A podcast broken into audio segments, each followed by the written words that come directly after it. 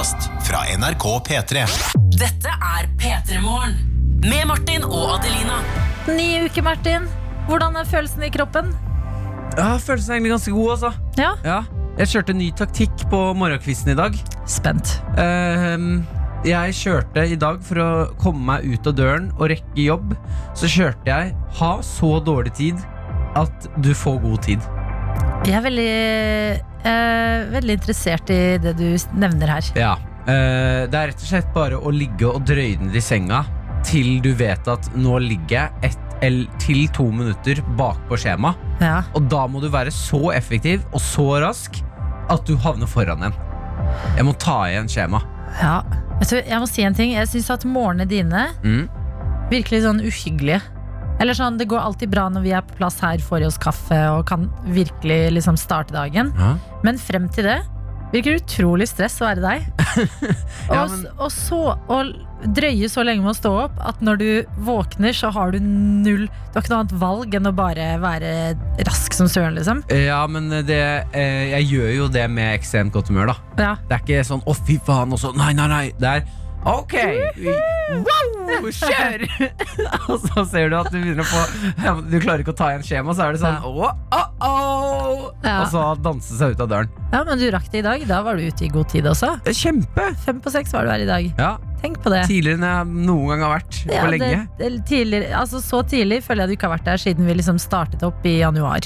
Det er gøy å komme fem minutter før eller sånn, Det er fem minutter til vi starter på jobb, Ja. og så får man beskjed av folk man møter sånn Oi, du er tidlig ute! Ja.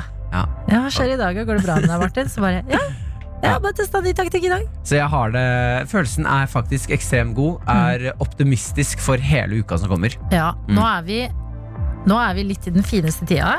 Enig. Ikke bare er det liksom midten av mai, og det er den såkalte 17. mai-uka. Men eh, det begynner også å komme inn meldinger fra folk allerede om at eh, folk skal tilbake til skolen igjen i dag og ikke har vært der på en stund, eller skal tilbake på jobb i dag. Mm. At liksom på den fineste tida, midt i mai, så begynner samfunnet å åpne litt opp igjen. Og det, det, åh, det må jeg innrømme, det elsker jeg. Ja, det, jeg er helt enig. Superdigg. Hvordan er følelsen din i kroppen? Du, den er kjempebra. Eh, Jeg sto opp eh, i, i går, mm. så sendte jeg en sånn morgenlevering til bestevenninnen Å, min. det er så hyggelig! Ja, fordi at jeg vet hun elsker 17. mai Ups, like mye som meg. Ja. Eh, Så nå har jeg sånn jeg, jeg gleder meg til hun står opp. For du som ikke vet hva morgenlevering er, ja. så er det da man kan bestille den deiligste frokost og Mm. få det på døren. Ja, Vil dere vite i detalj hva jeg gikk Ja. for? Ok, Jeg gikk for eh, dagens eh, juice, Mm. eh, croissanter, syltetøy og en blomsterbukett. Å, hyggelig! Og på kortet har jeg skrevet Jeg håper du vet hvilken uke det er. Det er Å, 17. ja. mai-uka. Men kommer hun til å skjønne at det er fra deg? Ja, fordi det står at det er fra meg. Og det er bare fordi at eh, Så nå kjenner jeg liksom i disse morgentimene at jeg er litt sånn Å, jeg gleder meg til hun står opp i dag og får en overraskelse, og jeg kan minne vennene mine på at det er 17. mai denne uka. Tenk på det! Woohoo! Men eh, jeg ser for meg hvis venninnene dine er bare 1% som deg, Adelina, så tror jeg ikke de har glemt at det er 17. mai. Eh, Vi hadde i går i vennegjengen en, eh, en FaceTime-konferanse på mm. kveldinga der. Hvor eh, den ene i vennegjengen satt med Excel-ark for å planlegge fy Søren, ass. frokosten. For 17. mai blir jo veldig annerledes i år, men jeg må innrømme, jeg er litt klar for det. psykopater, Adelina! Ja da, vi, er, vi trenger hjelp, men, Men jeg sånn lurer på, er det. eh, den morgenleveringen, Ja. hadde du kunnet sendt den til noen eh, hvis de aldri fikk vite at det var deg? Ja. Okay. Ok. kanskje man skulle gjort det? Mm. En sånn prank morgenlevering. Hva, hva skulle det vært i den, da? Det måtte jo stått et eller annet litt sånn kryptisk. Det skulle vært en god frokost, men den mottakeren er litt sånn Oi. Skjønner du? Og det hadde vært litt gøy å legge opp til at den personen du sender morgenlevering til, etter hvert begynner å bli liksom bekymra. Sånn, jeg, jeg vil ikke ha mer frokost. Men du, man kan jo gjøre det her og så starte en sånn rebus-greie. Uh. Ja. Mm. At man er sånn Hvis du vil vite hvem denne frokosten er fra, her er første clou. Ja, og det er ganske gøy! Jeg er jo Snapmaster og har fått inn en del snaps her. Ok. Um, vi har fått inn her Vi spurte jo deg der ute hva er det hyggeligste, morsomste, fineste, gøyeste du har gjort nå i helgen. Uh, det har vi også fått uh, svar på.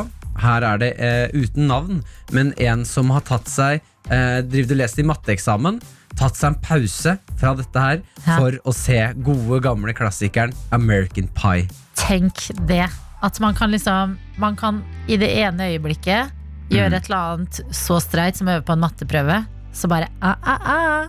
American Pie. Å, den er gøy, den filmen. Det er lenge siden jeg har sett filmen. Vet du, hva, Jeg tenkte på den filmen for ikke så lenge siden òg. Ja. Det er, det er rare, rare klassikere, det der, men jeg setter pris på de. Ja, den er, eh, Når du ser den nå med litt annerledes øyne enn når du gjorde den var barn, Ja. så skjønner du at sånn, wow, dette er en ganske problematisk film. Ja, det, det er eh, kjipt det med å leve i liksom Eller det er mange bra ting med å ha kommet så langt som vi har i 2020. Mm. Men ting du satte pris på før, som du gir en ny sjanse, blir litt sånn å Å nei, Mm. dette er kjempeseksuelt trakasserende og rasistisk. Ja, det er sånn som når jeg liksom ser på Friends og elsker det, og folk er sånn Ja, men syns du ikke det er litt problematisk hvordan Friends er laget? Så er jeg sånn Jo, jeg syns det. Jeg er helt enig. Ja. Men jeg elsker denne serien, ok? Åh.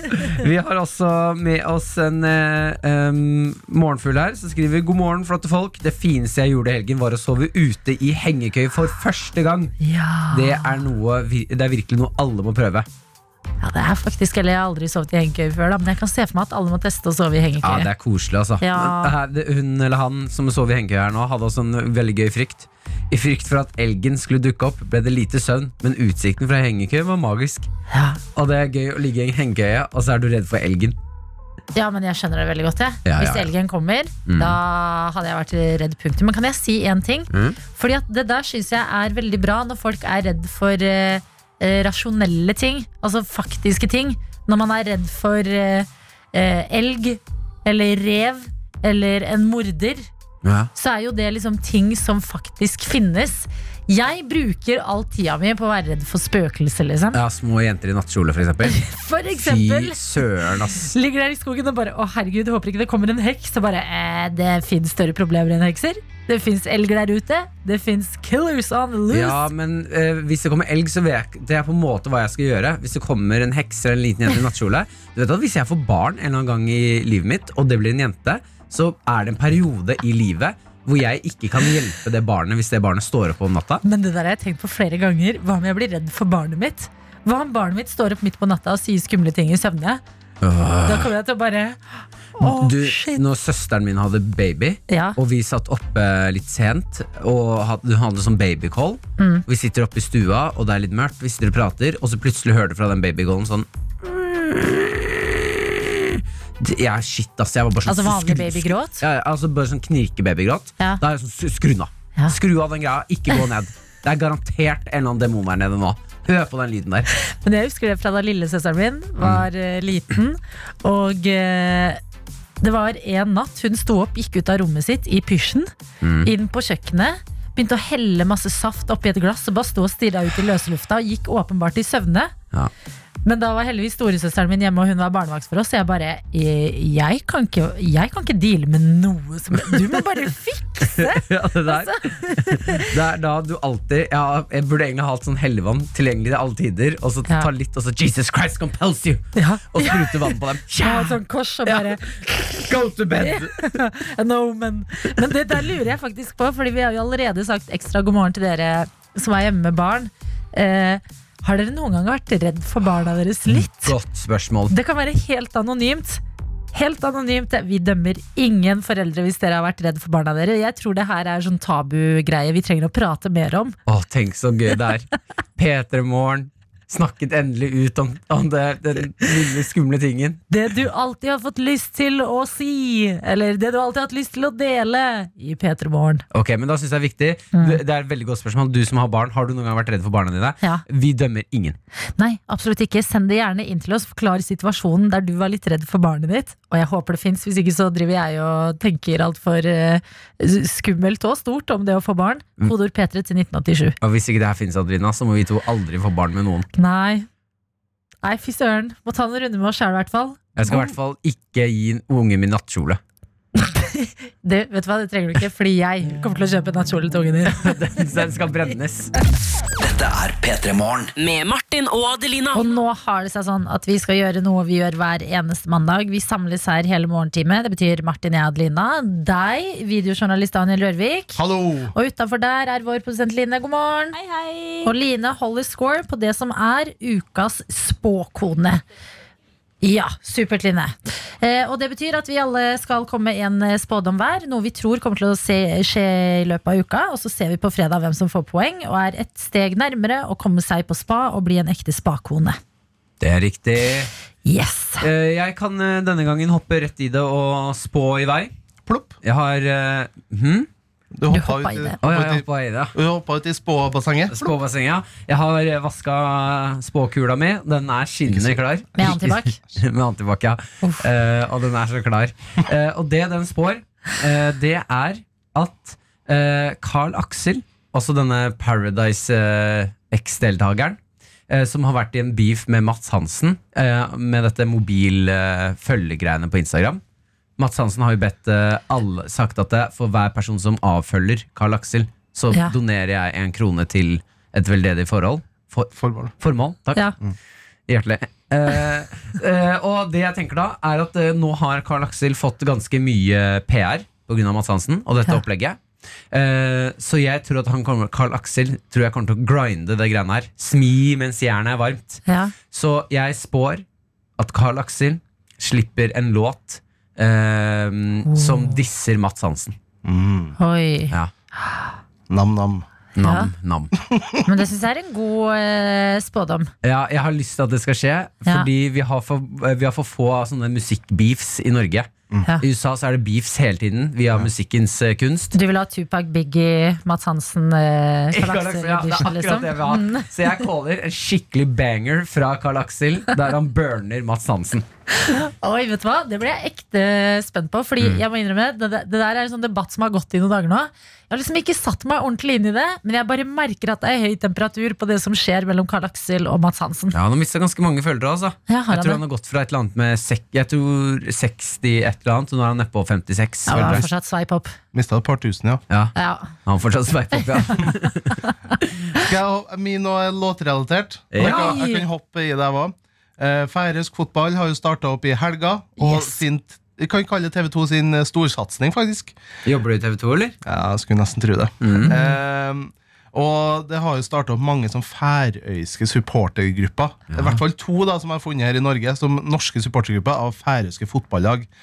Så det jeg spår, er at noen fra Norge lager en supportersang til et færøysk fotballag. Å, den er god. Å, det syns jeg er gøy! Det- Å, det vil jeg faktisk at Det skal skje. Ja. Ja. Og jeg håper altså, Hvem som helst skal lage låta, men jeg håper jo kanskje Åh, Det vært fett hvis Kurt Nilsen liksom, har laget- Eller Karl Aksel. Eller Carl Aksel.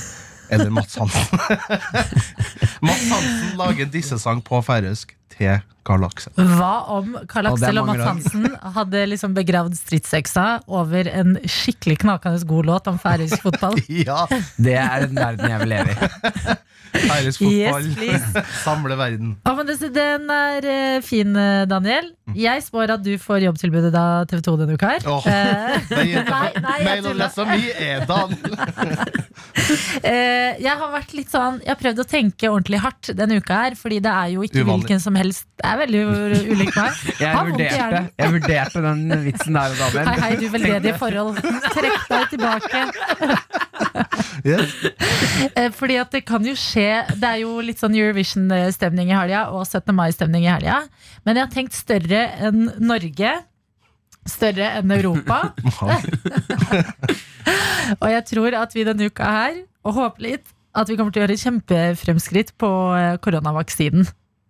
Så jeg, jeg drar det tilbake litt til korona, men nå Ja, tror jeg liksom da, Nå har det vært litt mye tråkka rundt i det samme lenge nå. Mm. Eh, Man er litt spent på hva som skjer med restriksjoner og ting.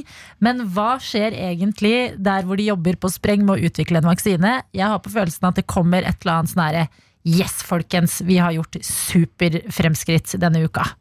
Ok, ja. Så gladsak på koronafronten. Ja, Lurer dere på noe eh, i forbindelse med dette, sånn, sånn at dere ikke arresterer meg på fredag i tilfelle det har skjedd? At sånn, ja, men du sa jo ikke at uh... Nei, det eneste vi skal være forsiktige med nå, fordi i helgen som var nå, eller en gang ti, i sent forrige uke, Ja. så kom det en sak med at det er gjort store fremskritt i koronavaksinen. Mm. Sånn Men det er ikke den jeg snakker om. Jeg snakker om nye store fremskritt. Ok, nye store fremskritt. Ja, Enn om sånn De har funnet ut at Pavlova kurerer korona, eksempel. Til 17. mai.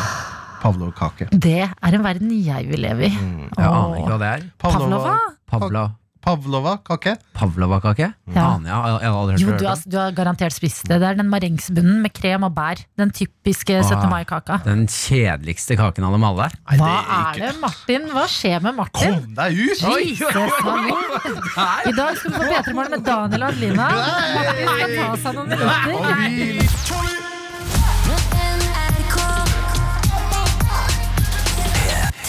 Vi begynte å snakke om det å bli redd sine egne barn. Ja, Vi eh, spurte alle foreldre der ute Har det noen gang hendt at du har blitt redd ditt eget barn sånn på natta. Vi snakket om at vi syns det er så skummelt med barn om natta. Ja, Man gråter og i små jenter i nattkjole. ja i hvit nattkjole. Og så var vi litt sånn her, tenk å bli redd sitt eget barn. Og så tenkte vi kanskje man ikke blir det noen gang.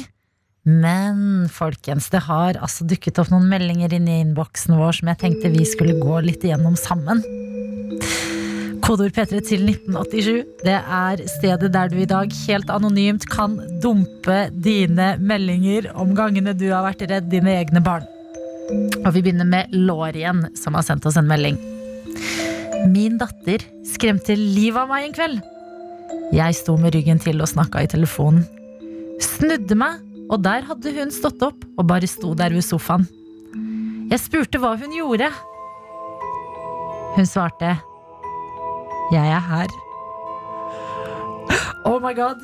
Jeg ble livredd, la henne i sengen igjen og fortsatte samtalen. Rett etterpå sto hun bare rett opp og ned i døren. Nei.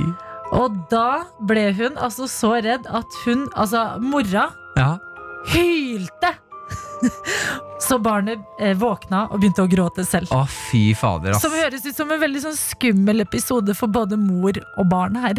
Æsj. Æsj. Å, vi har altså en fra Louise. Som skrevet har aldri, den her er, Jeg synes det er så Jeg skjønner ikke at hun ikke ble redd av det her. Ok, Har aldri vært redd for barna mine. Eller bar, ja, barna mine. Men jeg har en datter som går mye i søvn om natten. Hun står opp fra sengen og stiller seg i et hjørne med hodet inn mot veggen i mørket. Fy Det verste er at hun har øynene åpne.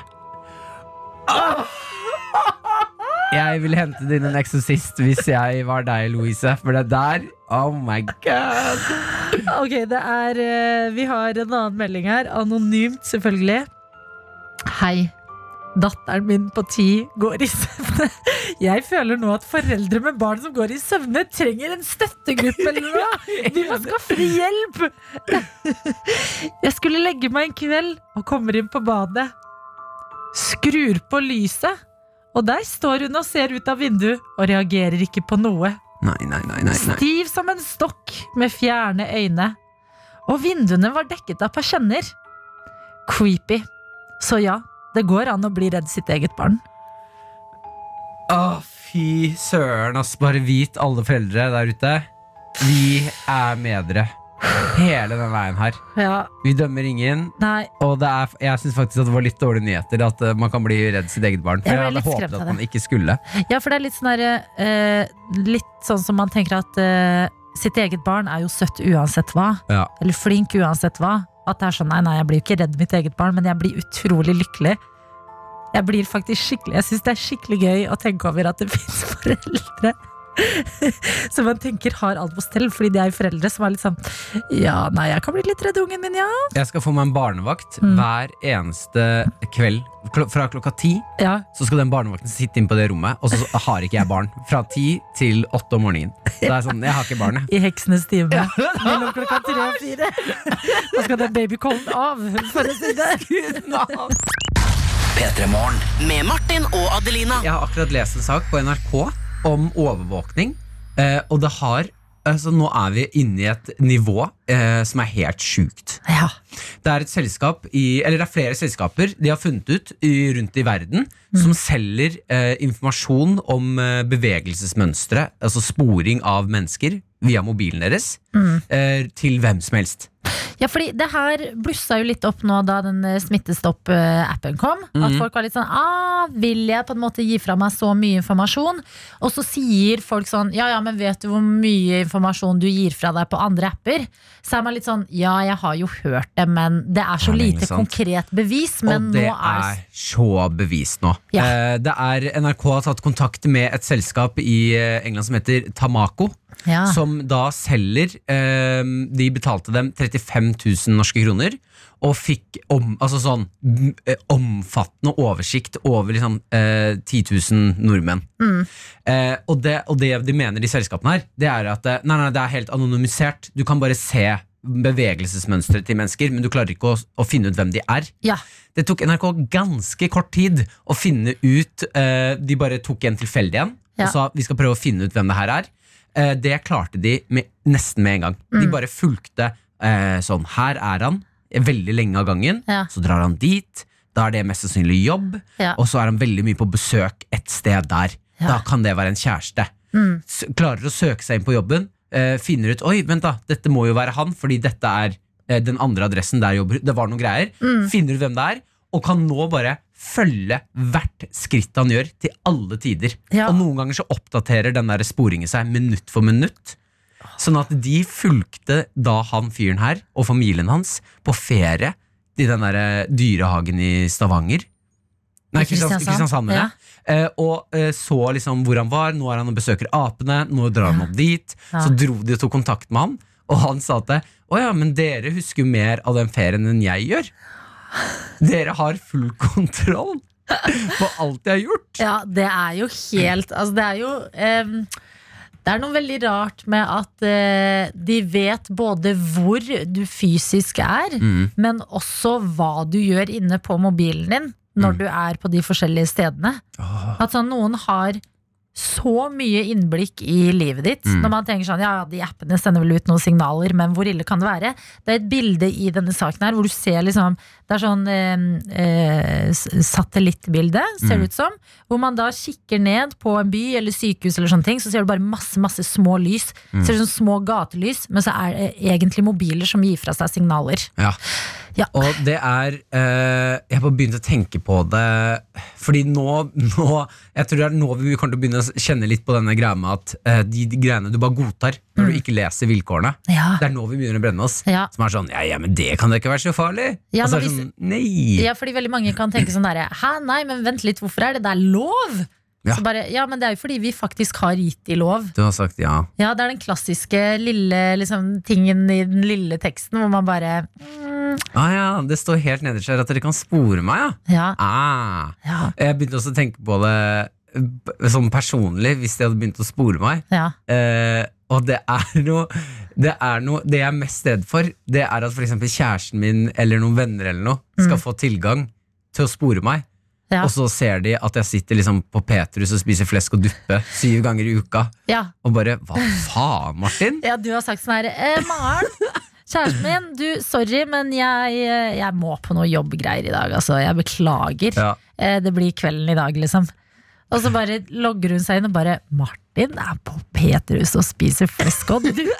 Men da tenk på deg, Adelina. Ja, Du, Når mamma og pappaen din ringer, og du har løyet på deg fire joggeturer den helgen, og de bare Ja, så sier du du jogga, ja, Adelina.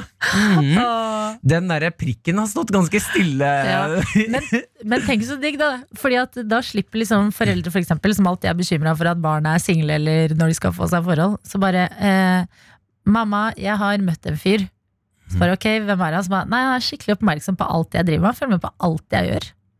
Så bare Å ja, for en, for en knakende bra fyr. Ja, nei, vet du hva, han ser meg skikkelig. Adelina, det er ekkelt. Jeg føler meg Det er skikkelig ekkelt. Jeg kan ikke gå for den. Åh. oh nei, det, det er eh, jeg, jeg må innrømme at jeg blir litt sånn Tenker for sjeldent over det her. Ja, men det jeg synes er litt sånn creepy oppi det hele, er Ok, jeg hører hva dere sier, at, nå, at vi blir veldig overvåka. Det her blir, denne informasjonen her Ja. blir jo solgt til millioner av mennesker Mm. som bruker det. Jeg ah, skjønner ikke helt hva de bruker det til. Men jeg vet om en som burde skaffe seg den informasjonen her. Tore Strømøy. Tore på sporet. Tore på det digitale sporet. Som bruker alle disse Tore dataene. på det digitale sporet. Vær så god. I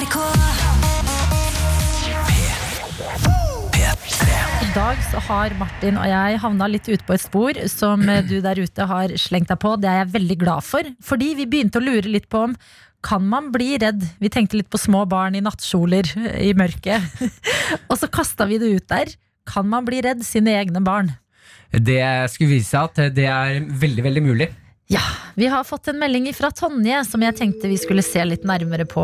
Hun har sendt melding inn på streamen og skriver Skal ærlig innrømme at jeg har vært redd for datteren min. Er voksen, men ikke voksen-voksen. Å, jeg skjønner meg igjen! Og jeg er litt redd for overnaturlige ting og spøkelser og så videre. En natt så våknet jeg av at datteren min gikk i søvne, og i mørket så stirret hun på et punkt ba meg. Så sa hun Nå er hun her. Nei, nei, nei, nei! No! No! Nei!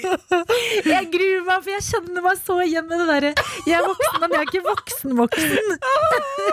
og så kommer datteren din inn i mørket og bare Noen er her. Da vil jeg bare Oh, shit! Da hadde jeg sagt til datteren min sånn Du, nå må du høre godt etter.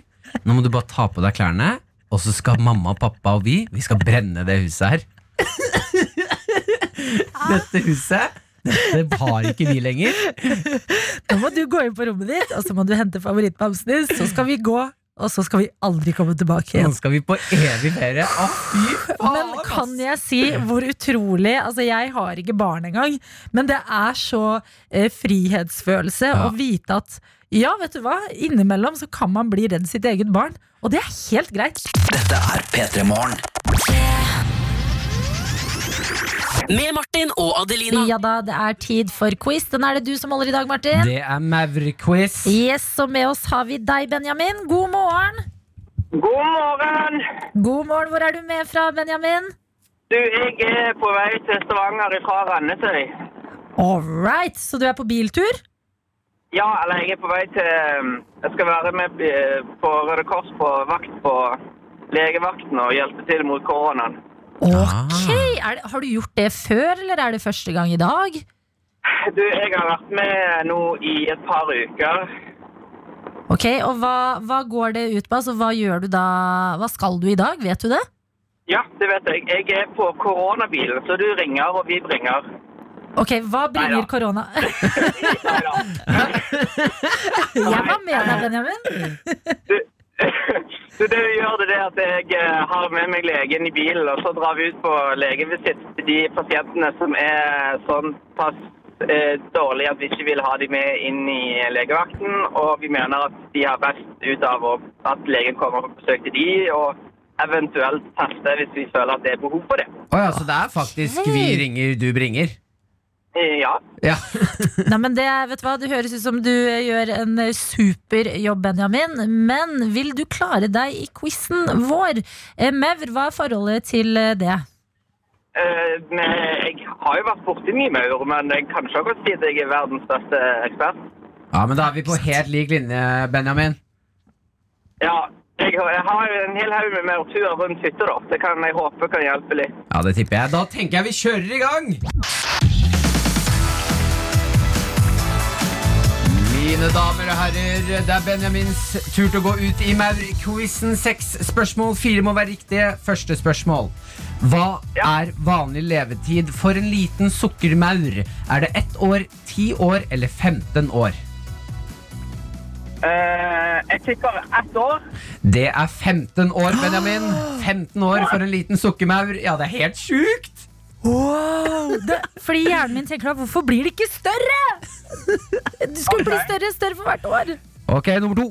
Hva vil det si når en gruppe maur svermer? Er det at gruppen forlater hjemmet sitt for å lage et nytt? Eller er det at gruppen går til angrep på en frosk og spiser den fra innsiden, for så å bære resten av frosken hjem og lage små senger av det til krigeren, så uh, krigermauren kan få seg pause fra alt stresset? Eller er det sverming er en form for pardans? Sverming er en form for pardans. Ja, det er at den forlater hjemmet sitt og lager en nytt. Ok, huh. da, vet du hva? da har du to, eh, to feil, Benjamin. Det Ja. betyr at resten nå må du ha riktig på alle. Ah. Mauren er en hardtarbeidende, noen hardtarbeidende typer. Men hender det at mauren skaffer seg slaver og tar seg selv en pause av og til? Benjamin? Uh, jeg tror det er riktig. Nei, feil. Du, du sa riktig Gå for magefølelsen, Benjamin. Ja, Benjamin. riktig. Ja. Er det riktig? Det er okay. riktig. Det er riktig. Bra. Okay. Dagens Ben- første poeng. Benjamin, om du hadde vært en liten arbeidsmaur som ville ha mer lønn, hva ville du sagt da? Jeg må jo jobbe hele livet mitt, og hvis jeg er en sukkermaur, så må jeg jo til og med jobbe i 15 år. Det er veldig riktig, faktisk. Kunne ikke vært mer riktig. Etter paring hos maur så er det ett kjønn som kort tid etterpå dør. Hvilket? Mann. Det er helt riktig. Det er helt Hva? riktig. Å ja da, ja da. Det er det samme. Ehm, Hvis dere bare sett en bie parer seg, altså en eh, guttebie, så dauer han idet han egentlig kommer fordi et penis eksploderer. Og det er, ja, ja, det er helt, Benjamin! dyrelivet er helt sjukt, ass. Hvor, ok, Siste spørsmål, Benjamin. Ja. Hvor mange arter maur har vi funnet i Norge? Er det 66, 77 eller 88? Ja. Jeg aner ikke. Nei, ikke jeg heller. 66. Det er riktig! Det er riktig! Nei, han, han gjentok egentlig bare spørsmålet, men det Å nei! poeng. nei! Faen! Ok, da fikk du litt hjelp på slutten, Benjamin. Det Fordi, var det 66? Det var 66. Ja, men det, er, det ble jo poeng, det, Benjamin. Du klarte det. Fire stygg. Å, nå ble jeg sykt glad, i hvert fall. Å, gratulerer. Wow, jeg føler vi alle har lært av denne quizen eh, i dag. Ja. Åh, Guriland.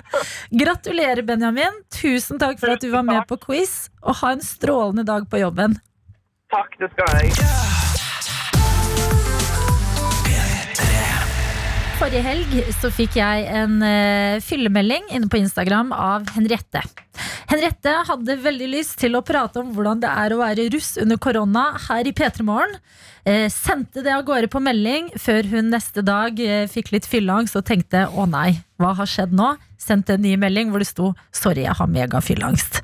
Men hvorfor det? Vi er jo kjempeinteressert i å høre hvordan det er å være russ under korona, så vi har like gjerne begynt å ringe opp Henriette litt. Vi, god morgen, Henriette. Hallo! Henriette? Telefon to, sier produsenten. Da Å ja, vi det var feil telefon vi Ja, plukket opp røret på nå. Da, det Adeline gjør der, bare trykk på noen knapper, og så vi se. Litt, og der tror jeg vi er. Hei, Henriette. Hei, hei. Der, ja. er du. God morgen, Henriette. Hvordan går det med deg i dag? Er litt sliten, men uh, ruskes. Ja, Du er vel litt sliten fordi det har vært eh, helg og russe, russetid? Ja, du kan Ja. ja. Dra oss gjennom helga, Henriette. Uh, ja, uh, fredag så spilte vi litt sånn uh, fyllefotball. Fyllefotball? Ja. Ah. Deilig. Klassiske fyllefotballen på internett, eller møttes dere faktisk denne gangen? Eh, da møttes vi. Det var jo en meter avstand, selvfølgelig. Men eh, Ingen taklinger? Ja, eller noen få. Ja. Det ble, ble noen få taklinger, ja. Det ble noen få taklinger, ja. Er. Men det var vel mest eh, fokus på drikkingen, ikke fotballen, regner jeg med? Ja, det var jo uh, ordet fylla foran fotball, så det var vel mer Ok, Men du overlevde fredagen selv om eh, det ble noen taklinger og litt fylla? Ja, ja, ja. Ja.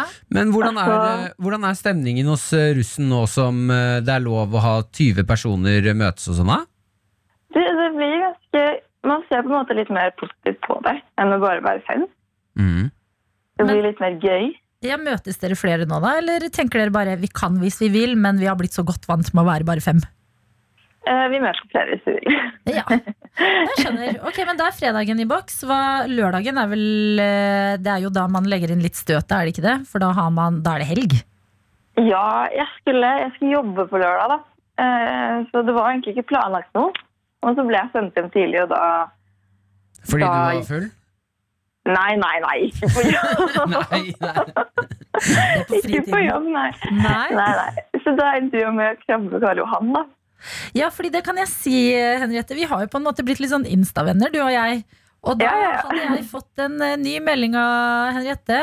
Som, eh, det var selfie av deg og kjæresten din, var det ikke det? Ja. Her er min kjekke kjæreste, sto det på snappen fra deg. Vi skal krabbe fra Slottet til eh, Stortinget. Ja. Hvordan gikk det? Altså, hvor langt er det egentlig? Åh, um, det virker som en skikkelig, skikkelig bra idé.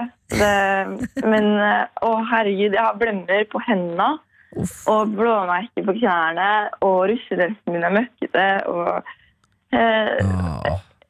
og så når vi kom opp mot den der statuen oppe ved Slottet, så var det tydeligvis en sånn danse-livestream, så da måtte vi krabbe rundt opp på Fy. gresset og bare liksom Og de bare Kan dere please ikke krabbe her? Og vi bare Nei, nå har vi krabba siden fra Stortinget til Slottet, så nå skal vi søren meg til den statuen. Ja. Jeg elsker det. Og det som også er så kjipt, er at liksom, den strekningen der, der er det vel masse om brostein og ting. Det er ikke sånn mykt, Ja. deilig underlag. Ja, men det er bra. Sånn skal det være. Du skal tenke litt over ting du driver med, og det høres ut som dere har tida til å gjøre. Men hvor lang tid tok det? Det tok en og en halv time. Og en og en halv time krabbing? Ja. En og en halv time krabbing. Men er det en russeknute, eller hva? Er det, var det liksom, nå finner vi på noe sjukt. Nei, Det russeknute. er, det er en russeknute, ja. Ok, Så hva har du fått i hatten nå, da? Eh, oi. Det er jeg litt usikker på. Ja. Henriette. Det er jo Den eneste grunnen til at man gjør det der, er jo for å få noe i hatten. Tror kanskje det er en pinne eller et annet. Jeg er ikke sikker. Men du, i dag begynner vel dere på skolen igjen, gjør dere ikke det? Ja, jeg har skole om en halvtime. Ikke sånn skole om en halvtime. Ok, men altså, nå blir det jo litt annerledes russetid, kanskje? Eller er du klar for det? Ja, eller å, jeg vet ikke helt. Vi, vi skal jo ha denne um, terroruka. Oh, Terroruka, ja, Den heter fortsatt Terroruka, altså? Heter fortsatt terroruka. Ja, ok, Hva, går, hva skjer denne uka her, da? Uh, å, det er jeg litt usikker på. Jeg vet at det er noe sånn Det vanligvis har pleid å være sånn vannpistolkrig. Men det går jo ikke an i år, dessverre. Fordi Nei. terroruka er uka når dere terroriserer hverandre, eller? Nei, eh, andre førsteklassinger. Å nei, førsteklassingene. Ja, til alle førsteklassinger der ute. Henriette sa det nå, det er terroruka, så da veit dere det. Men du, Henriette, du, eh, vi skal høre etter hvert. Vi ringer deg selvfølgelig opp igjen eh, hvordan det har vært å kombinere skole og russetid. Men jeg vil også bare si at du, du har begynt å bli litt cocky på eh, meldingsutvekslingen våre. Fordi det du hadde lyst til i helga, det var å gi Martin og meg en russeknute. Ja! Og jeg var litt sånn hmm, Men så tenkte jeg, vet du hva, la gå. P3morgen. P3morgen. Med Martin og Adelina. Hva for en russeknute er det du har eh, diska opp? Eh, dere skal ta en russeknute som heter tampongen. Nå, fader, ass. Hæ? Fader, ass. Jeg vet hva det her er. Jeg vet ikke. Da skal du ha én tampong i hver side i munnen, på munnen. Og så skal du drikke eh, så fort du bare kan det i glasset dere har fått. Ok, Ah, der og der kommer produsent Line her inn med et eh, glass eh, Pepsi Max og fire tamponger hengende eh, på hånda. Der, der er du god, Henriette. Der er du god. det, det beste i livet, det er Pepsi Max-en. Og det verste i livet, det er tampongene. Det er liksom en rar eh, kombo der. All right. Ok, hva er det vi Får vi en tampong i, i lua vår, da, eller? Det er helt riktig. Har du tatt den her? Ja. Jeg må innrømme, før jeg skal i gang med det, så er jeg ikke noe, jeg er ikke noe stressa. Eller sånn, Det virker veldig enkelt. Oh, nei, du tror det er enkelt, men å herregud, så store tamponger blir. Men Henriette, skal tampongtråden eh, ut av munnen? Altså Den skal liksom stappes inn med sånn fronten inn i munnen? Ja, du må ikke ha tråd i munnen. Nei, okay. Det, Du må aldri ha tråd i munnen. munnen. Ok. Jeg heter det Jeg har Åh, Jeg har det ikke plass i munnen til to? Adelina, helt, helt inn, Adelina. Hvis ikke så får du ikke ruseknuten. Det er veldig rart at du er stappet av Helt inn, Adelina. Helt inn. Ok. Ok. Mm, Førstemann, eller? Eh, Skål. skål, da skjer det russeknuta! Nå har hun bare å sjekke glasset sitt, og på!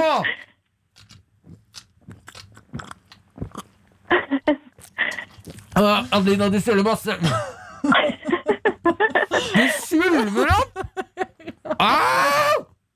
Jo da, jo da, jo da.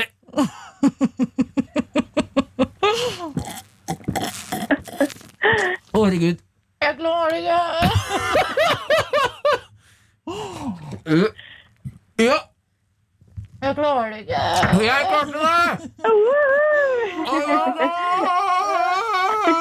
Å, bra jobba, Martin.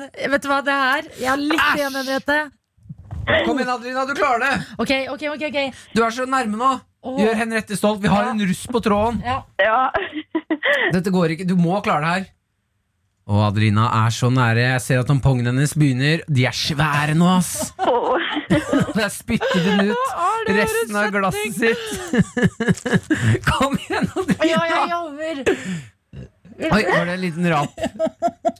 Nå er det tamponger, Pepsi og raping som skjer i studio her. Kom igjen! Nei, æsj, æsj, æsj, Adelina! Ikke på gulvet! Åh. Henriette. Jeg er ferdig. Det var litt ut igjen der. Uh, Ja, det men er klarte så det. vidt godkjent. Jo, men det må være godkjent. Henriette, du må Du godkjenner mine også? Ja da. Ja.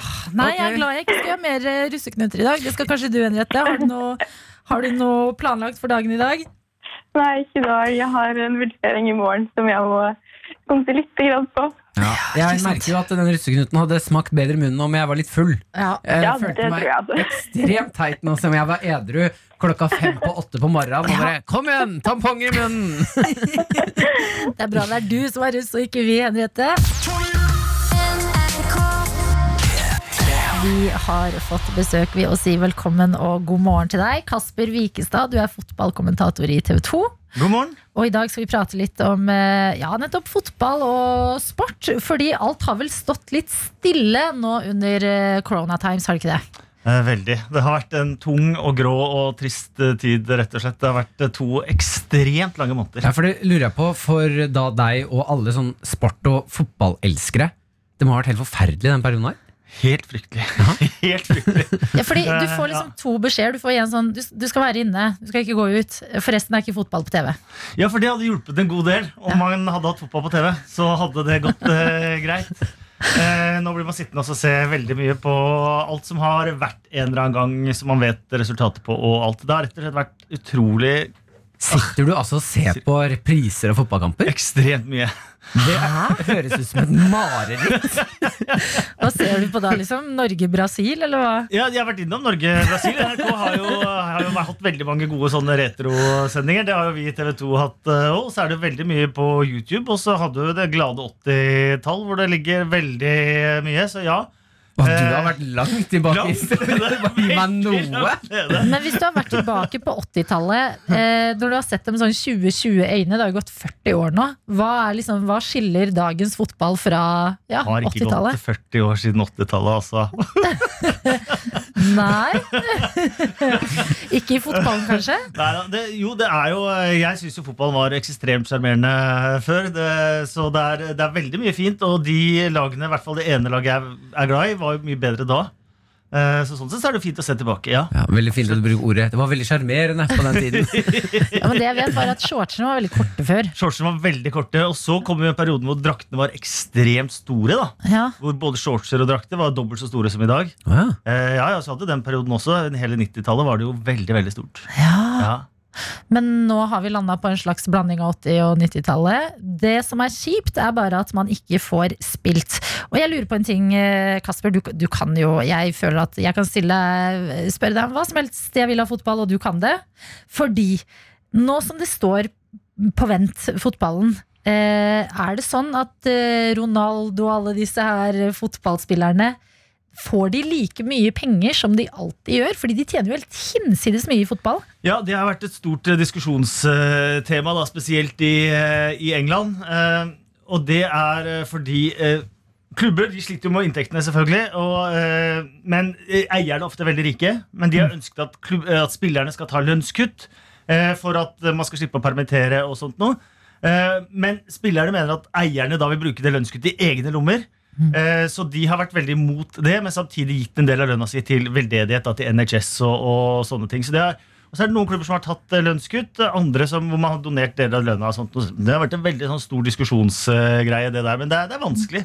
Eh, Ja, det. skjønner jeg veldig godt, men da tenker jeg liksom særlig kanskje på kvinnene, da, som fra før av tjener mye mindre enn menn. Lider de samme nød?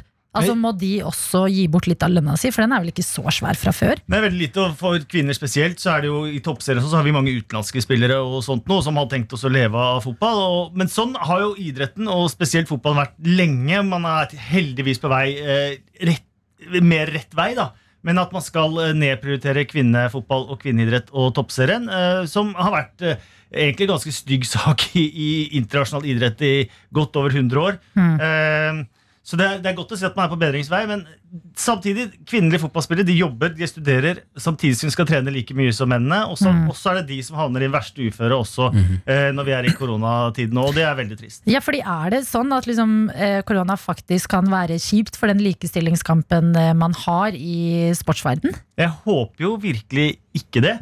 Eh, Men det er jo ting som tyder på at eh, i hvert fall ikke denne gangen heller at kvinnene kommer heldigst ut.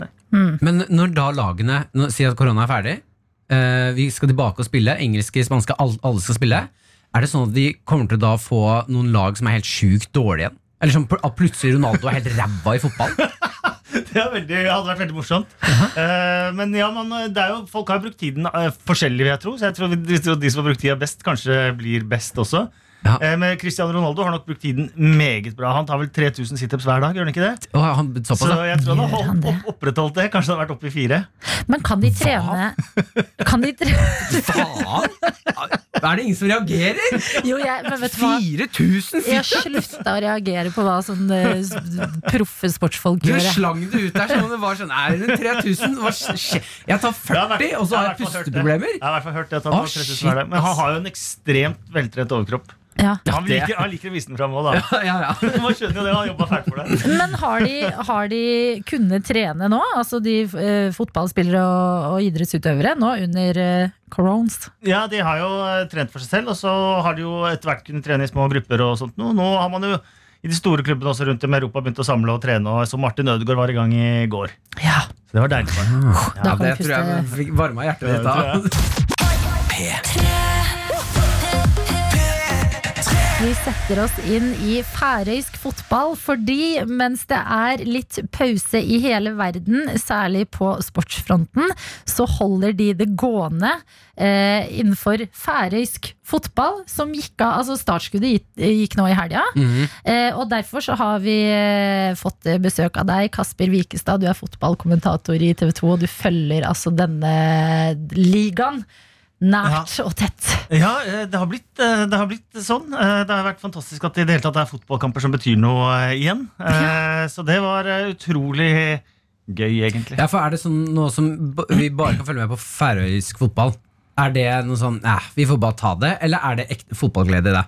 Ja, det er ekte fotballglede, det. Jeg tror vi faktisk jobba litt for å få rettighetene og sånn òg. De sender i flere land. Og fotballspillerne på Færøyene syns dette er helt fantastisk. Eh, For den ligaen der har vel aldri blitt sendt utafor den øya med de 50 000 innbyggerne. Eh, Så der har visst alle vært hos frisøren og liksom gjort alle de tingene shit, jeg har ikke eh, tenkt på før, engang, før ja. helga. De er jo ikke Eh, vant til at hele verden følger med på på dem. ingen måte, så de har virkelig forberedt seg på litt sånn Cristiano Ronaldo-måten og sånt Om- før de skulle på TV. Det er et par tusen pushups på panikk-pushups. Bare jeg må stramme inn den kroppen her. Vi skal på TV! Ja, det er ny, litt nydelig å tenke på. Ja. Men eh, Kasper, siden vi har deg her, jeg ser for meg akkurat nå Jeg begynner liksom ut ifra meg selv at det er noen som står opp, skrur på radioen og tenker hva i all verden er det de prater om? Færøysk fotball? Hæ? Altså, Hvorfor skal man følge med på færøysk fotball? Ja, for det er, Alle har stengt ned fotballen sin, bortsett fra et par eh, regimer og, og sånt, diktaturer og sånt noe, som har tenkt at eh, folk får bare dø av korona. Eh, så det har vært litt uetisk eh, å, å følge det. Eh, Færøyene derimot, der har, er du kvitt korona, ifølge NTB. Tenk på det. Eh, så de har kunnet starte opp igjen, eh, spiller eh, fotball.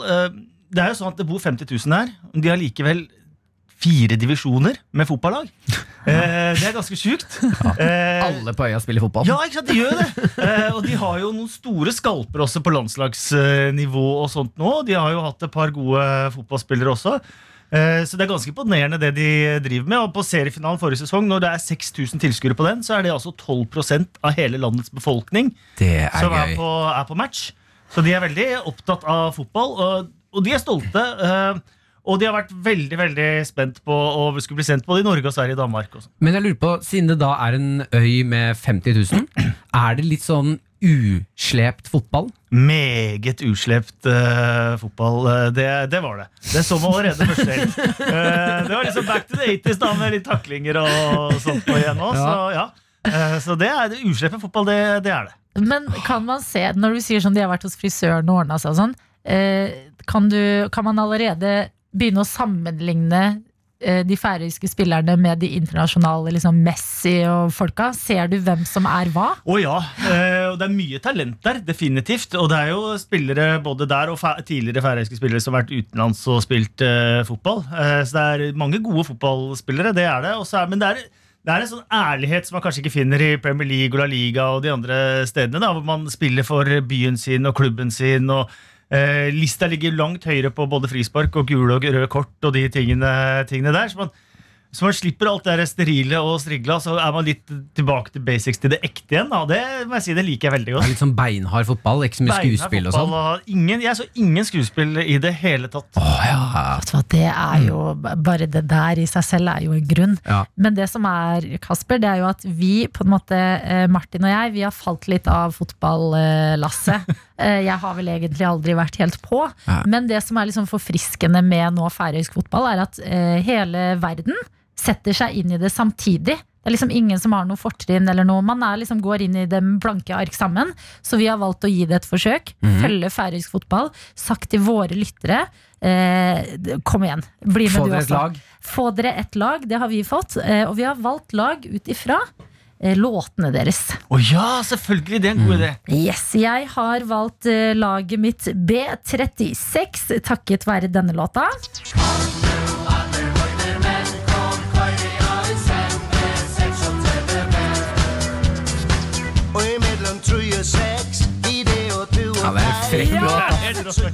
Jeg blir lykkelig av å høre den sangen der. Litt drar meg inn. Ja, Ja, jeg gikk for det litt mer følsomme, eh, og gikk for eh, dette laget her, Skala. Skala er okkara liv Stande du saman Og synger vi er Ja, det er vakkert, da. Og det vi landa litt på, er at eh, det vi taper av Eurovision i år, det kan vi få litt igjen gjennom eh, færøysk fotball og låtene der borte. Eh, Men nå som første helgen er forbi, kamper har blitt spilt. Hvordan ligger vi an i færøysk fotballand? B36, eh, meget godt eh, valg, både med tanke på at det er hovedstadslag, og med tanke på at eh, de antageligvis kommer til å vinne ligaen. Ja, Eh, det er meg, det. Det var deg, det, ja. Eh, Nei, de, eh, sist, forrige sesong avslutta med at to lag lå prikk likt. Eh, Klaksvik og B36. Så det var ren seriefinale. De møttes i siste runde. Hmm. Klaksvik, eller KI, vant eh, 3-0. Så denne sesongen starta med et rent revansjoppgjør mellom de eh, i Klaksvik. Eh, og B36 fikk sin revansj. Ja. Vant eh, 2-0 helt på slutten. og vet du hva? Jeg kjenner på den der fotballstoltheten. Jeg har alltid irritert meg når folk har sånn 'laget mitt', men Ja, laget når de sier sånn Vi, vi vant, vi Ja. vant. Klaksvik! Can we hear you? Nei, det kan vi ikke. Og Klaksvik er litt sånn kjøpelag. Eh, fiskelandsby med litt sånn fiskemillioner der og sånt nå. Ah. Eh, så det, var, eh, det var, føltes godt for B36, tror jeg. Ja. Ja, jeg hadde ikke en så god helg. Skala Nei, tapte. ja. Hvordan, eh, hva tenker du om det valget der? De tapte mot Fuglafjørdur. Mm. Og Fuglafjørdur fikk eh, det totale antall poeng seks forrige sesong. Nå har de allerede tre etter møtet med Skala denne Fikk de bare sesongen. seks? Ja. Fuglafjørdur, ja. Tapte vi mot et så ræva lag? ja. Men er Skala, har jeg valgt det dårligste laget, da? Det får vi se, men eh, jeg tror ikke du kommer til å kjempe på toppen der. Så Hei, underdogs er jo det mest spennende i verden. det er jo det. Jeg er Ja. veldig vant med å holde meg veldig dårlig i lag. Ja. Ok, ok, det er bra. Vi må også spørre deg, mens, eh, fordi vi har bedt folk eh, melde seg på, finne sitt lag, bli med på dette kjøret. Og en som har sendt oss en melding, det er en som heter Martin, og har et spørsmål til deg, Kasper.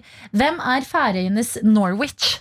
Jeg ser for meg at Martin er på jakt etter sitt eh, lag. Nei, Han er på jakt etter hva som er mitt, egentlig. Og Da Ok. kan vi kanskje Kanskje borti skala der, ja. Du, du har jo mange gode sammenligninger. Du har et TB som bor på en øy, et par timers ferjetur. Som er liksom crazy gang, hvor alle er eh, øh, litt vikinger. eh, eh, ikke spesielt finspillende, og du gir deg juling samme om de taper eller vinner. Ja. Eh, men kanskje Skala, faktisk. ja Kan du, er det, hva slags lag er Skala? Eh, de er jo et lag som aldri har vunnet noen eh, ting. Eh, de har visst veldig god fiskesuppe der. Eh, Fiskesuppe? Og så har de antageligvis verdens lengste innmarsj. Eh, for klubbhuset med garderoben og sånn ligger et godt stykke fra banen. Så de må liksom forbi parkeringsplassen, og så må de ned noen veier og sånt. Og før de liksom kommer de på banen. Så det er veldig lenge med å gå dommeren først, og så gå i to rekker. Ja, det var godt vi hadde noen morsomme facts. Vi er ikke så gode i fotball, men vi Ja, har men- god suppe. Dette er jo superbra, fordi det er så mange bra facts rundt omkring på disse spillerne. Fordi det er jo folk med vanlig jobb på dagtid, og så spiller de, mange av de, fotball på ettermiddagen. Og nå er de i en liga som resten av verden følger med på. Eh, Så fremover så skal vi ikke bare sette oss inn i resultater, men også bli litt bedre kjent med disse færøyske spillerne som nå har vært hos frisøren. Og for eh, personer, eh, folk der ute som har lyst til å sette seg litt inn i det, hvordan gjør man det? Vi har veldig mye på TV2. Vi har et film med en sånn stor klubbguide. Mm. Hvorfor skal du heie på dette laget? Så man kan finne seg et lag. Og så har vi jo Fantasy. Eh, laget P3-liga. Ja. Da skal jeg melde meg inn. Og så har du jo noen kule profiler. Du har Stian Kleimint Olsen. Født med klumpfot. En eh, fot med, eh, eh, som kun har 10 funksjon. Uh, Skåra mot Spania i landskamp. Hæ? Eh, er mestskårende på den færøyske ligaen. Hæ? Du har Adrian Justinussen, Ja. som man sier har eh, kanskje en av Europas beste frisparkføtter. Eh, banka inn et frispark fra eh, 17 meter i serieåpninga. Selvfølgelig gjorde han det. Wow. Eh, så har en del kule profiler eh, der borte også. Atle Gregersson, 37 år, vært med i alle år. Eh, satt Zlatan og alle andre på plass i, i, på, med landslaget gjennom en årrekke. Å, det Eh, er så det gøy, var mange ass! kule, kule varianter der. Altså. Jeg, jeg blir så ekstra gira når jeg hører liksom fotballkommentatorer bare Ja, kaste seg Atle. Gregersson! Kommer inn fra sida! Men vet du hva? Vi er, eh, dette, vi er på ekte med Kasper, og Deilig. målet det er å få deg der ute også med. Følge det her eh, sammen. Holde oss oppdatert. Takk for at du kom eh, innom i dag, Du, Kasper. hvem, hvilket lag holder du med? Ja, jeg sliter litt. Jeg lurer på om jeg kanskje kommer til å havne på HB. HB. Dette er P3 Morgen. Med Martin og Adelina. Det er tid for at du, Martin, endelig skal fortelle oss om det her eh, bade, badedramaet. Ja, for det er jo sånn at uh, Sportsstjerner rundt om i hele verden har ikke fått lov til å trene slik som de er vant til. Nei. Eh, da heller ikke triatlonstjerner. Triatlon. Triatlon, takk skal du ha. Tusen takk, Adelina. Vær så god, Eh, Martin. vi har Christian Blommenfelt, vi har Kasper Stornes og Gustav Iden, som er eh, triatlonstjerner. Ja. De har nå slitt litt med treningen, så det VG har gjort da, er at de har tatt med dem ut i et vann i Fyllingsdal. eh, For å se, klarer dere å kanskje trene her? ja. Det er ti grader i vannet. Det er forbanna kaldt. Ja, men de har vel kanskje på seg våtdrakt. Ja, de har på våtdrakt og sånn eh, Hette. speedo-lue er- Hette? Heter ikke det hette? De har på seg hette. Speedolue. Hetta. Jeg liker det. Svømmebriller og er klare for å gå ut i vannet. Det er ekstremt kaldt. Ekstremt kaldt. Så to av gutta de gir seg nesten med en gang. Det er snakk om eh, ett eller to minutter. Ja. Eh, ene karen oppi her Nå vet jeg, er jeg ikke helt 100% sikker på hvem av dem det er. Men han ene av disse gærningene Ja. Han tar da og svømmer et kvarter ute i det vannet her. Eh, det er eh, Kasper. Eh, nei, han Skal vi se her, jeg må ha navnet her. Eh, Gustav, som Gustav. svømmer uti et kvarter uti i vannet her. Okay. Han er jo kvarter uti, og når han kommer tilbake, så hører du så sinnssykt godt at han har vært i kaldt vann. Hør på det her. Nei, jeg tenkte litt til. Jeg tror vi må, må Ok, det var vanskelig å snakke. Men jeg håper jo selvfølgelig at bassenget åpner snart. For det er kaldt. Uh. Rart ansiktet fryser. Men det er jo som et kvarter til. Altså, han klarer ikke å snakke. Han Ja, for du hører at han er liksom frossen i skinnet. Sånn, Ja, og så sier han allikevel 'jeg tar et kvarter til'. Å, fy Så han er da til sammen uti i 30 minutter. Og når han kommer tilbake bare, Det høres ut som han er drita. Hør på det her. Triste halvdel var mye, mye verre. Oh. Det var godt å komme seg i bil og få, en, eh, få med varmen og få med boblejakke.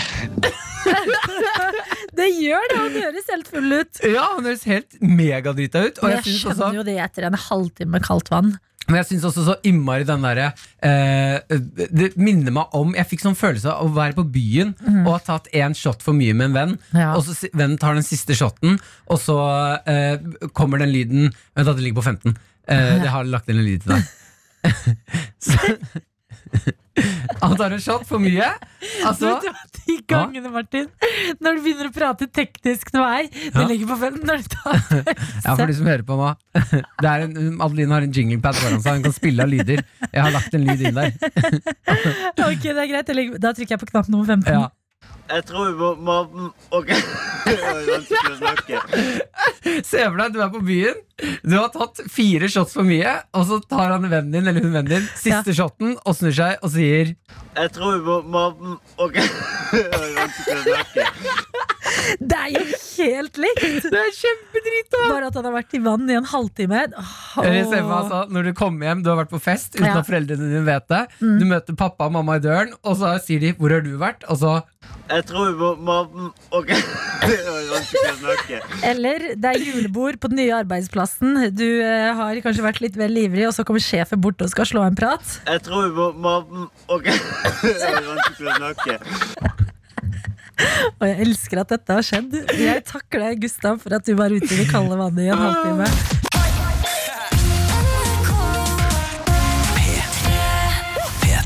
Og jeg har vært hjemme i Sarpsborg i helga. Ja! Det har vært så koselig. Jeg hadde ikke vært hjemme siden eh, eh, romjula. Og har i det siste hatt skikkelig hjemlengsel. Det Så er det var siden. Digg å komme hjem, eh, ta en sånn albuehils med foreldra. Mm. Det var premiere på den opplevelsen. Og eh, altså spise fra jeg kom til jeg dro. Å, det, er, all- det er det man skal når man er hjemme hos mamma og pappa. fy søren, jeg elsker det. Mm. Mamma hadde fått eh, overtenning. Hadde ikke smelt til med bare én kake, men to. Ja, mm. Og jeg bare Yes, mamma, I'm here for it. Eh, og vi Altså, det er, det er hele tiden, og jeg elsker det, men det er nesten så det blir slitsomt når man skal få servering når man er hjemme hele tiden. Ja, man blir sånn, du Mamma, bare sitt, jeg kan hente Ja, så bare, ja nettopp skjære liksom. opp litt frukt, så bare Ja, jeg vet det, jeg var der. Sånn. jeg lover å hente oppskjært frukt når jeg får lyst på det, men akkurat nå så spiste vi nettopp brownies, så det blir litt mye. Eh, men eh, i hvert fall, det er eh, sykt hyggelig å være hjemme igjen. Catch up med mamma og pappa litt. og gjøre alle de hyggelige tingene man gjør når man er hjemme på besøk. Men også de tingene som man må gjennom når man er hjemme på besøk, som er sånn når foreldre prøver å fiske etter livs, eh, ny livsinformasjon. Oh, ja. Eh, og det var jo eh, Først var vi jo da selvfølgelig gjennom boligjakta mi. ja. Eh, nei, jeg har fortsatt ikke fått kjøpt meg leilighet. Beklager dere. Eh, og det syns eh, pappa syns det var litt stress, da. Jeg At du ikke hadde fått? ja, jeg bare, ja, men vet du hva, pappa, det syns jeg òg. Jeg syns det er veldig stress hvis det er stress. Det er jeg som går på disse disse det er veldig visningene. gøy. Du er sånn, ja, men pappa, jeg syns også det er stress. Bare sånn, vi er i det sammen. Ja, vi er i det sammen, bare at jeg er den som driver og drar på de visningene og være i de budrundene og gråte når ting er eh, kjipt og jeg taper en leilighet. Det er jeg som får nei hver gang, pappa. Ja, men Mm. eh, selvfølgelig, jeg skjønner jo at eh, når barna ikke har det lett, da har ikke foreldra det lett heller. Mm. Og så er det det her med kjæreste. Jeg er jo singel, og de fleste andre albanske folk eh, sine døtre, som nå er 27 år, de har fått seg type. Ja. Mange av de har også fått barn. Og eh, den albanske delen av familien begynner å lure på eh, Er det noe hva som er galt med? Adelina. Se på bilder av meg når mamma og pappa er på ferie, og bare Men hun er jo pen! Vi skjønner ikke hva Og tror du mamma og pappaen din er det sånn ah, shit, tenker vi at hun er pen fordi hun er barnet vårt? Eller ser, er hun, er hun klin gæren? Nei, men Det er alltid sånn jeg er hjemme, så mamma tar litt bilder så hun kan sende til familien. Og bare, ja, ja, det, ja her er det, Hun er fortsatt flott og. Og bare, ja, nei, er det noen nye, er det noen gutter da? Jeg bare, nei, det er ikke noe, det, det tar liksom, vi har, det skal sies med mamma og pappa at vi, vi har aldri liksom snakket sånn detaljert om gutter. Mm. Det er liksom gjort med venninner. Eh, Men jeg merker når de graver, Ja. og jeg eh, svarer litt sånn rundt grøten tilbake. Så jeg er litt sånn, nei, ikke noe, ikke noen sånn viktige, viktige greier. Bare litt klining og Og da går mamma i den her, vet du, fordi da har hun tråkka uti, og så eh, trekker hun seg litt. Og da må du vite at jeg sitter der med kake hun har laget foran meg, og bare Først så gir hun meg kake, og så skal hun grille meg litt. ja. Eh, Og jeg merker at hun syns også det er litt sånn Hun, blir jo sikkert redd for at jeg blir lei meg. Ja, ja, ja. Det er en rar setting, ass. Ja, det er, det er en rar setting, men så er man i den, så tenker man vi må, vi må jo bare ta den. Um, og da trekker mamma seg nesten med en gang bare Ja, nei, det er jo, det er jo korona og sånn, vet du. Det, var, det er Og i det problemet. øyeblikket er mamma verdens søteste person som bare Å, moren min tror det er korona som hindrer meg å få meg type. Jeg elsker deg, mamma. Gi meg mer kake. Åh. Er ikke det søtt? Jo, det er veldig Ja, nei, de var nok eh, Det var ikke noen nyheter denne gangen heller. Men det kan jo hende at din mamma og pappa, når du dro, så, var de, så så mammaen din på pappa og var sånn Jeg tror ikke bare det er korona. Nei, Jeg tror ja, ikke bare det er det som er gærent. Ja. Hun hadde ikke kjæreste før korona. Hun hadde ikke leilighet før korona. Det er mye, det er mange ting på en gang. Hvis jeg bare får sjekket deg på en av de, Ja. leilighet. Men den tingen du har sjekket deg på, Ja. at du er stappmett, er det ikke det? Jeg er stappmett, det kan ingen ta ifra meg. Med Martin og Adelina. Eh, du, vi må prate litt om eh, Elon Musk. Ikke fordi han har gitt babyen sin et veldig rart eh, navn. Eh, som eh, Husker du navnet? XÆA12. XA12. Ja. Ja. Eller var det R også? XRÆ. Det var et eller annet Bindestrek. veldig merkelig, i hvert fall. Ja, det var veldig rart, og det viser seg at han kan ikke, ungen kan ikke hete det i eh, California eller Mm. USA, fordi at de har ikke æ i alfabetet. Eh, men, eh, og det var liksom litt sånn Det var spesielt forrige uke, da Elon Musk hadde fått babyen sin. Har du googla det? Ja, XA12. Ja, XA12. Mm. Uh, og han la ut bilde av den babyen med T-skjorta 'Occupy Mars' på seg. Og liksom, det, det var utrolig mye rart rundt babyen som han har fått med Grimes. Uh, men nå er det andre ting som skjer, og det her er litt sånn Sånn på ekte rarere ting, syns jeg. Eh, fordi hele verden dealer jo nå med korona på forskjellige måter. Og Elon Musk, som Tesla-gründer, har jo også produksjon som eh, må skje. For at eh, ting skal Altså at Tesla-produkter skal bli klare. Mhm. Nå eh, så er han forbanna fordi i California, hvor Tesla-fabrikken er, så får ikke folk dratt på jobb. Dette er pga. Eh, koronarestriksjonene som alle må følge, Ja. også Elon Musk. Eh, Så det han eh, gjør nå, det er å true med å ta Tesla-fabrikken sin ut av California, flytte den til flytte produksjonen til eh, Texas og saksøke delstaten for at han ikke får lov til å sende arbeidere på folk. Så, altså saksøke California. s- Saksøke k- Ja. hele California? Ja. Og da Det er alfamove, ass! Ja, eller er det bare sånn Har du blitt Har du blitt spikspenna gæren type stemning? Fordi at jeg ser for meg at på en Tesla-fabrikk så jobber det ganske mange. Eh, og det du egentlig sier, er sånn Ja ja, jeg bryr meg om Tesla. Men jeg driter i om alle disse folka må miste jobben fordi jeg må flytte produksjonen min over til eh, Texas. Men følger de ikke reglene i Texas, da, eller? Jeg vet da søren, der er jo ting helt Texas. Texas, ah, sånn kommer der. Aner ikke, men jeg, jeg må innrømme at Mm. Elon Musk har vært liksom en fascinerende type ganske lenge. Ja. Eh, men nå, nå begynner det å bikke. Ja. Men tenk deg, altså, jeg er med på Jeg elsker sånn her. Når Ja. de der, eh, mest rikeste bare gjør sånne rare ting som det her. Ja. Så gøy å følge med. Eh, bare se for deg at du eh, noen spør deg sånn Ja, hallo, hva skal du i morgen? Nei, i morgen så skal jeg saksøke California. Ja. Hele fordi California. jeg får ikke bygge bil fordi folka mine får ikke komme på jobb, for det er en pandemi. Han er en suttrunge, det er det han er.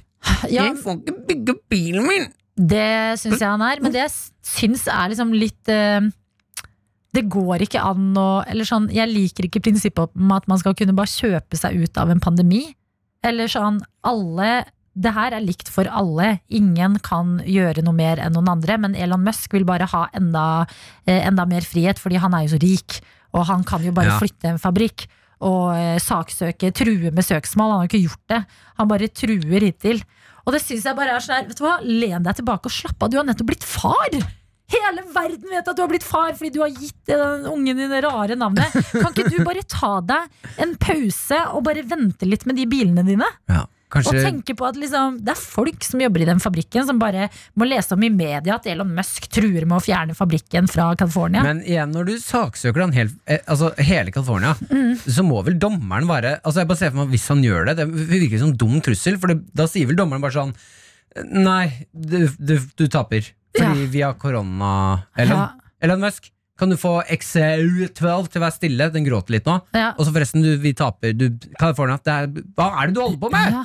Nei, det er fascinerende. Jeg synes sånn eh, eh, Akkurat eh, Musk har man liksom hatt eh, Folk har vært så fascinert så lenge fordi Tesla er kult, han driver med det der SpaceX som også er spennende og sånne Mm. ting. Han er liksom en, en spennende fyr. Men å se eh, stormannsgalskap in action, Mm. det fascinerer meg. Jeg har lyst til at han skal dra opp til Texas. Ja. Så vi kan si shit, ass, nå er det Texas i Texas.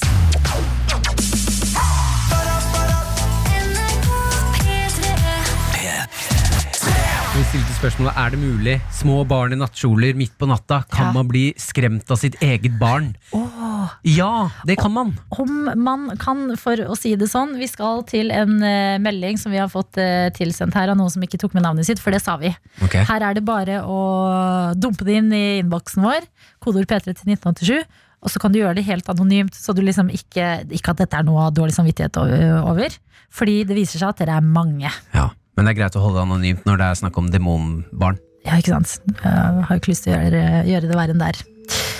Ok, meldingen går som følger. Da sønnen min var to år, snakka han mye om en dame som het Elisabeth.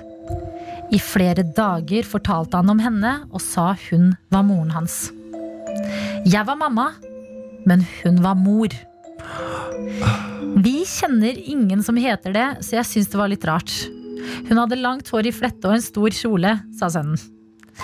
En kveld jeg skulle legge han, snakka han igjen om Elisabeth. Jeg spurte om jeg kjente henne, jeg også.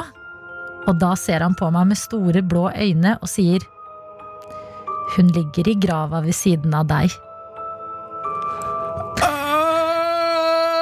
Jeg klarte ikke å si noe, lista meg ut av rommet og frika ut på telefonen. Det er helt sjukt. Hva faen? Altså, Satan, baby! nei, hei. Det er det skumleste! Var det der en low-key trussel, eller? Ja, hun ligger i grava ved siden Nei, for det er det som er så skummelt når de barn liksom, du, De klarer jo ikke å være manipulative eller uh, ha Dette er. Elisabeth som liksom har sagt det fra sånn si til Ja. moren. Å, fy å søren, ass. Jeg håper du Det går bra med deg og Ja, det ungen. håper jeg. Ja, huff a meg. Ah, vi har også en veldig fin en fra okay. uh, Fått inn uh, mail her fra Bjarne. Ja. Han skriver har, har, har en fra noen år siden.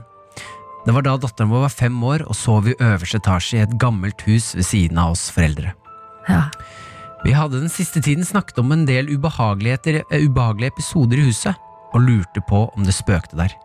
Men slo det fra oss da vi ikke trodde på slikt. Ja. Flere ganger kom vår datter inn til oss om natten. En kveld hun kom for hundrende gang, sa at hun måtte gå og legge seg i sin egen seng. Da sa hun, jeg vil ikke, fordi det står en gammel dame ved sengen min. Å, fy faen. Vi bor i et annet hus nå. Åh, det dere har gjort det eneste riktige. Ja, for det er det. Hvis jeg og si liksom eh, kjæresten min Vi skal få Vi har fått eh, barn, Mm. og så bor vi i et hus hvor vi allerede er litt sånn Hører du det, eller? Mm. Og så er, sier han borte en dag, og barnet sier det er en gammel dame på rommet mitt. Jeg vet ikke om jeg hadde klart å liksom ta med meg barna idet jeg hadde tatt sats og løpt. Skjønner du? Ja, ja, ja, er du gæren? At jeg hadde bare sånn daua. Der med en gang ungen hadde sagt sånn Ok, bare si setningen og du, sier jeg er pappa nå. Så jeg er sånn, du må gå og legge deg. Men det står en dame uten Vent litt. Men det står en dame utenfor sengen min. ja, ja, ok, men da flytter vi. Da er det bare, skrur du på lyset. Kari, Kari, pakk Hent, hent de andre ungene. Vi må ut. Vi må ut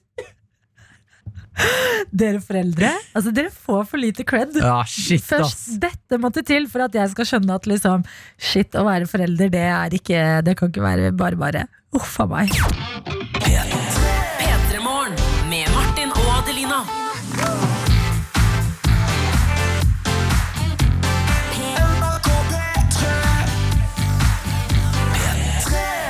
Du har hørt en podkast fra NRK og P3. Hør flere podkaster i appen NRK Radio.